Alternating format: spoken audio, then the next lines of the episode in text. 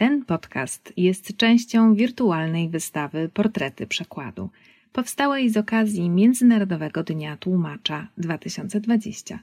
Wystawa dostępna jest online pod adresem dzieńtłumacza.pl.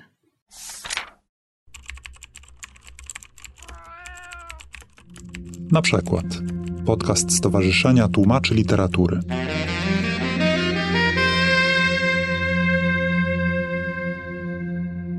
Roku 2011 otrzymałam kuszącą propozycję z Krakowa, miasta, w którym kiedyś studiowałam. Chodziło o tłumaczenie dziennika Ocity Swiedek, naoczny świadek, który Jiří Kolarz, jeden z najwybitniejszych artystów czeskich XX wieku, pisał w 1949 roku. Choć od tamtej pory przetłumaczono na język polski wiele jego dzieł, premierowe polskie wydanie naocznego świadka miało się pojawić w związku z dużą wystawą kolarza w krakowskim Muzeum Sztuki Współczesnej Mocak. Jiří Kolarz, poeta, plastyk i eksperymentator, rozpoczął swoją karierę artystyczną jako poeta, a światowy rozgłos zyskał jako plastyk. Był autorytetem moralnym i wzorem do naśladowania dla wielu artystów, m.in. Bohumila Hrabala i Wacława Hafla. Dlatego próba zmierzenia się z jego dziełem była dla mnie wielkim wyzwaniem. Mamy do czynienia z dziennikiem poetyckim, czyli czymś jeszcze bardziej intymnym niż poezja liryczna, którą do tej pory najczęściej tłumaczyłam. Na dodatek ten niecodzienny, prozatorsko-poetycki, polifoniczny dziennik pisał mężczyzna. W Czechosłowacji, a więc w kraju mego urodzenia, ale w czasach, kiedy nie było mnie jeszcze na świecie. Historia życia kolarza i losy jego dzieła są typowym przykładem konfliktu artysty z totalitarną władzą. Swój dziennik pisał w 1949 roku i choć nosi on tytuł Naoczny świadek, autor zapisków usuwa się w cień. Czasem tylko komentuje, ocenia, ale nie opowiadał sobie. Jest moralistą, świadkiem ponurych czasów i gniewnym sędzią nowych władców i ich sługusów. Odnotowuje kolejne wydarzenia, reaguje na propagandowe okulniki i artykuły, które pojawiają się w prasie. Coś się kończy, świat znów powoli staje się klatką. Autor naucznego świadka dopuszcza do głosu innych ludzi, nawet dzieci, które zadają pytania, na które trudno odpowiedzieć. Wsłuchuje się w rytm mowy potocznej, rejestruje dźwięki, które zewsząd dobiegają. Proza przeplata się tu z wierszami, eksperymentami formalnymi i muszę przyznać, że było to dla mnie jako tłumaczki spore wyzwanie, bo kolarz jest trudnym i wymagającym autorem. Na kolarza i jego kolegów z ugrupowania artystycznego Skupina Grupa 42 oddziaływała przede wszystkim literatura anglojęzyczna. Młody poeta gorączkowo czytał i tłumaczył na język czeski wiersze twórców amerykańskich. W poezji Walta Whitmana fascynowała go afirmacja złożoności świata w każdym jego szczególe, konieczność nazywania wszystkich rzeczy od nowa. Kolarz podzielał uwielbienie Whitmana dla tego, co zwyczajne, pospolite, codzienne. Bliskie było mu jego wymienianie elementów rzeczywistości po kolei i powtarzanie stałych konstrukcji. Tłumacząc dziennik kolarza, domyślałam się, że amerykański mistrz wyliczeń, katalogów rzeczy, zainspirował młodego czeskiego poetę i tłumacza, który w podobny sposób, z pasją dokumentalisty, będzie patrzeć na czeską rzeczywistość w naocznym świadku. Cytuję: Dzwony polędwicy, dzwony kotletów wieprzowych i żeberek, dzwony knedli bułczanych, dzwony ziemniaków i kapusty, dzwony wędzonych boczków, dzwony sznycli i rosołów. Pomimo nawiązań zawsze mamy do czynienia z bardzo oryginalnym i nieustannie poszukującym twórcą. Dotyczy to również pytań o najprostsze sprawy. Przytoczę tu cały przetłumaczony przeze mnie fragment. Mamusiu, jakim językiem mówi kamień? Czym różni się czeski wróbel od niemieckiego? Czy księżyc też je zupę pomidorową? Czy drzewa też się kłócą, jak wyzna rybka rybie, że ją kocha? Czy piła czyści sobie zęby? Jak ma na imię jad węża? Czy stół ma rozum? Ile dzieci ma noc? Która litera jest murzynem, a która Chińczykiem? Czy woda też może być wdową? Czy deszcz boli to, że spada na ziemię? Skąd bierze się czas, czy umiałby naprawić hulajnogę? Czy myszy liczą na stare lata? Kto zna króliczą tabliczkę mnożenia? Co by było, gdyby ławeczki chciały usiąść na babciach? Do jakiej szkoły uczęszczają domy? Dlaczego tata nie sprzeda swych złotych rączek? Czy mróz mógłby przypalić zasmażkę? Co by się stało, gdyby powietrze skamieniało? Dlaczego mnie też nie podlewasz, bym rósł? Kiedy człowiek rozkwita? O czym śnią muchy? Ile muzyki mieści się w uszach? Kto nauczył śpiewać ptaki? Jak wielki jest Pan Bóg? Mamy arkę?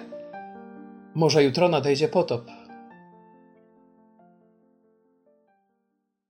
Stowarzyszenie Twórcze Skupina 42, z którym kolarz był związany, istniało do 1948 roku. Był to rok przełomowy.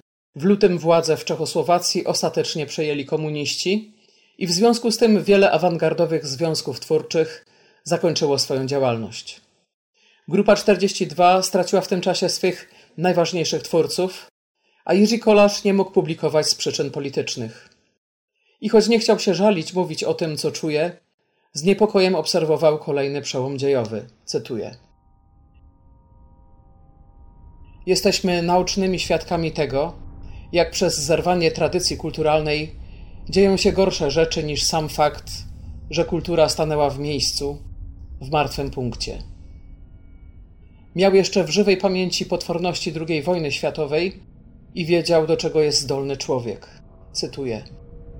Jeśli w 1942 roku usiadła kobieta z książką pod lampą, z abażurem ze skóry z ludzkich pleców, to sygnał dla mężczyzny, że musi szybko wymyślić coś bardziej nienaturalnego, bo nadejdzie czas, gdy inna kobieta zacznie marzyć o jakichś nadzwyczajnych rękawiczkach albo butach. Jeżeli mężczyzna nie będzie znał nowych metod, sięgnie po stare i wypróbowane. Kolarz wie, że jako człowiek, jako pisarz musi dać świadectwo. Szuka odpowiedzi na zasadnicze pytania stawiane przez współczesną rzeczywistość i przez historię, która lubi się powtarzać. Bierze na siebie rolę świadka dokumentalisty zobowiązanego przekazać wierną relację o rzeczywistości. Odnotowuje kolejne wydarzenia, reaguje na propagandowe okulniki, które pojawiają się w prasie. Coś się kończy, czytam, że sławetna obecna rada redakcyjna wydawnictwa Borowy wstrzymała wydanie nowej książki Władimira Holana, albo wycofano z druku tłumaczenie sztuki romantycznej Bodlera, której autorem jest Jan Władysław. Ponuro brzmi stwierdzenie autora, który przygląda się Pradze udekorowanej w związku z majowymi uroczystościami ludu pracującego. Cytuję. Praga jest wystrojona jak choinka świąteczna, tyle że to choinka z jakiegoś zakładu dla umysłowo chorych. Nie ma ucieczki przed wszechobecnym entuzjazmem i decyzjami podejmowanymi jednomyślnie. Cytuję. Nie podpiszesz i jesteś podżegaczem wojennym. Wystarczy przeczytać tylko nazwiska obradujących, by zacząć drżeć nad utratą tej okaleczonej szczypty wolności, którą sobie przechowałeś. Koniec maja i bezsenna noc. Cytuję. Więzienie. Całą noc myślałem o tym słowie. Stanęło przede mną pod postacią większą niż kać z rybami. Złe przeczucia przyszłego opozycjonisty niestety się sprawdziły. W okresie stalinowskim spędził dziewięć miesięcy w areszcie śledczym. Naoczny świadek nie jest typowym dziennikiem. Wprawdzie jest sporządzany na bieżąco i są to datowane zapiski, jednak jego autor usuwa się w cień, czasem tylko komentuje, ocenia, ale nie opowiada o sobie. W okresie pisania naocznego świadka kolarz ma 35 lat. W lutym zawarł związek małżeński, nie odnotował jednak tego faktu w swoim dzienniku. Zamiast tego czytamy pod kolejną datą refleksję dotyczącą odchodzenia. Boże, czy nie przejechałem już mojej stacji? Może miałem już wysiąść? Może to właśnie ona? Czy mam się już przygotować do wyjścia? A bagaże? Mam je tu zostawić czy zabrać ze sobą? Czy mogę dzięki temu, co posiadam, jakoś komuś pomóc? Czy jeszcze długo pojadę? Naoczny świadek ma również cechy dziennika lektur. Autor wiele uwagi poświęca Balzakowi, a jego zapiski dotyczące zawiłych tajników warsztatu pisarskiego są prawdziwym wyzwaniem translatorskim. Tu ciekawostka. Rozdział zatytułowany Osli Kuzie można by tłumaczyć jako ośla skóra. Okazuje się jednak, że chodzi o powieść Jaszczur. Kolarz pisze też o książkach innych twórców, takich jak André Breton, Maxim Gorki, Betty Smith, Elio Vittorini, a wspominając zmarłego Franciszka Halasa zastanawia się nad rolą poety i poezji we współczesnym świecie. Podkreśla, że zadanie literatury i sztuki w swej złożoności zawsze brzmiało niezwykle prosto. Nie kłamać. Kolarz wie, że to trudne zadanie, bo choć nadal powstają książki i wciąż są wystawiane dzieła sztuki, ich twórcy powoli tracą wolność i godność. Kolarz jest moralistą, świadkiem strasznych czasów i gniewnym sędzią nowych władców i ich sługusów. Jak już wspominałam, Jiří Kolarz był na początku drogi twórczej Bohumila Hrabala jego mentorem. Gdy przygotowywał do druku w 56 roku almanach literacki Życie jest wszędzie, zamieścił w nim kilka opowiadań Hrabala. Jego twórczość rozbrzmiewa rozmowami zwykłych, prostych ludzi.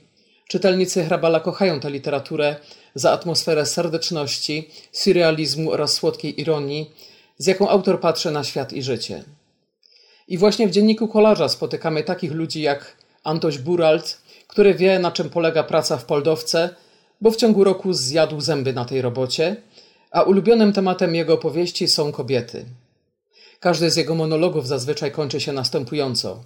Jeśli Pan Bóg mnie kocha i jest choć trochę sprawiedliwy, będę po śmierci kostką brukową gdzieś na deptaku na mustku. Wiesz, ile nóg tędy przejdzie albo zatrzyma się przed oknem wystawowym Prochaski? Kolejny bohater, syn optyka Wawry, często plecie, co mu ślina na język przyniesie. Chciał być astronomem, ale odziedziczył warsztat samochodowy. W ten sposób pies, który wył do nieskończoności, stał się felczerem maszyn, spartolonym Ezopem. Brzmi znajomo? Warto więc przypomnieć, że w okresie, gdy powstawał dziennik kolarza, Hrabal był jeszcze nieznanym autorem, bowiem w 1948 roku na moment przed wydrukiem został zatrzymany jego debiutancki tomik poezji. Kolarz tworząc kolarze uważał, że nadal pozostaje poetą. Pisząc swe książki poetycko-prozatorskie, a więc również dzienniki, tworzył kolarze. Cechowała go nieokiełznana fantazja i tłumaczowi trudno czasem nadążyć za wyobraźnią autora, który jest, nie wolno o tym zapominać, oryginalnym plastykiem i eksperymentatorem. Widać to przede wszystkim w zapiskach noszących nazwę sen, w onirycznych wizjach, czasem tak nieprawdopodobnych, że czytelnik musi sam siebie pytać, czy dobrze je zrozumiał. To kolejne wyzwanie translatorskie, bo trzeba tłumaczyć nie tylko poszczególne słowa, ale czasem także rozbierać na części pierwsze owe zadziwiające opisy. Czy naprawdę o to chodziło? Na to pytanie mógłby powiedzieć tylko Jiří Kolarz, który w swej twórczości nawiązywał do tradycji surrealizmu i przypisywał ogromną rolę niepohamowanej wyobraźni. I w taki sam sposób, w jaki narzucały mu się obrazy burzące logiczny porządek rzeczywistości, na pograniczu snu i jawy, gdzieś tam trzeba było czasem z nim rozmawiać i stawiać mu pytania. W końcu największe wyzwanie siedmioczęściowy, polifoniczny, szalony święty, fragmenty poematu eksperymentu, w którym pojawia się wiersz wolny, a obok niego rymowana wyliczanka. Autor bawi się słowami, żongluje surrealnymi obrazami, jakby zapraszał również tłumacza do tworzenia kolarzy. Ten głos kusi, ty też spróbuj. W innym języku to przecież czysta zabawa. Może ci się uda, może spadniesz na łeb, na szyję. Voila! I co z tego? W twoim świecie od tego się nie umiera. Przeczytam małą próbkę. Szalony święty, wielogłos. Czy słyszycie gołąbeczki? Nie jesteśmy sami. Patrzcie, tu są. Zaznajomcie się dziś z podsłuchami. Do więzień ich zamykają. Dziś panowie obrywają w batalionach pracy.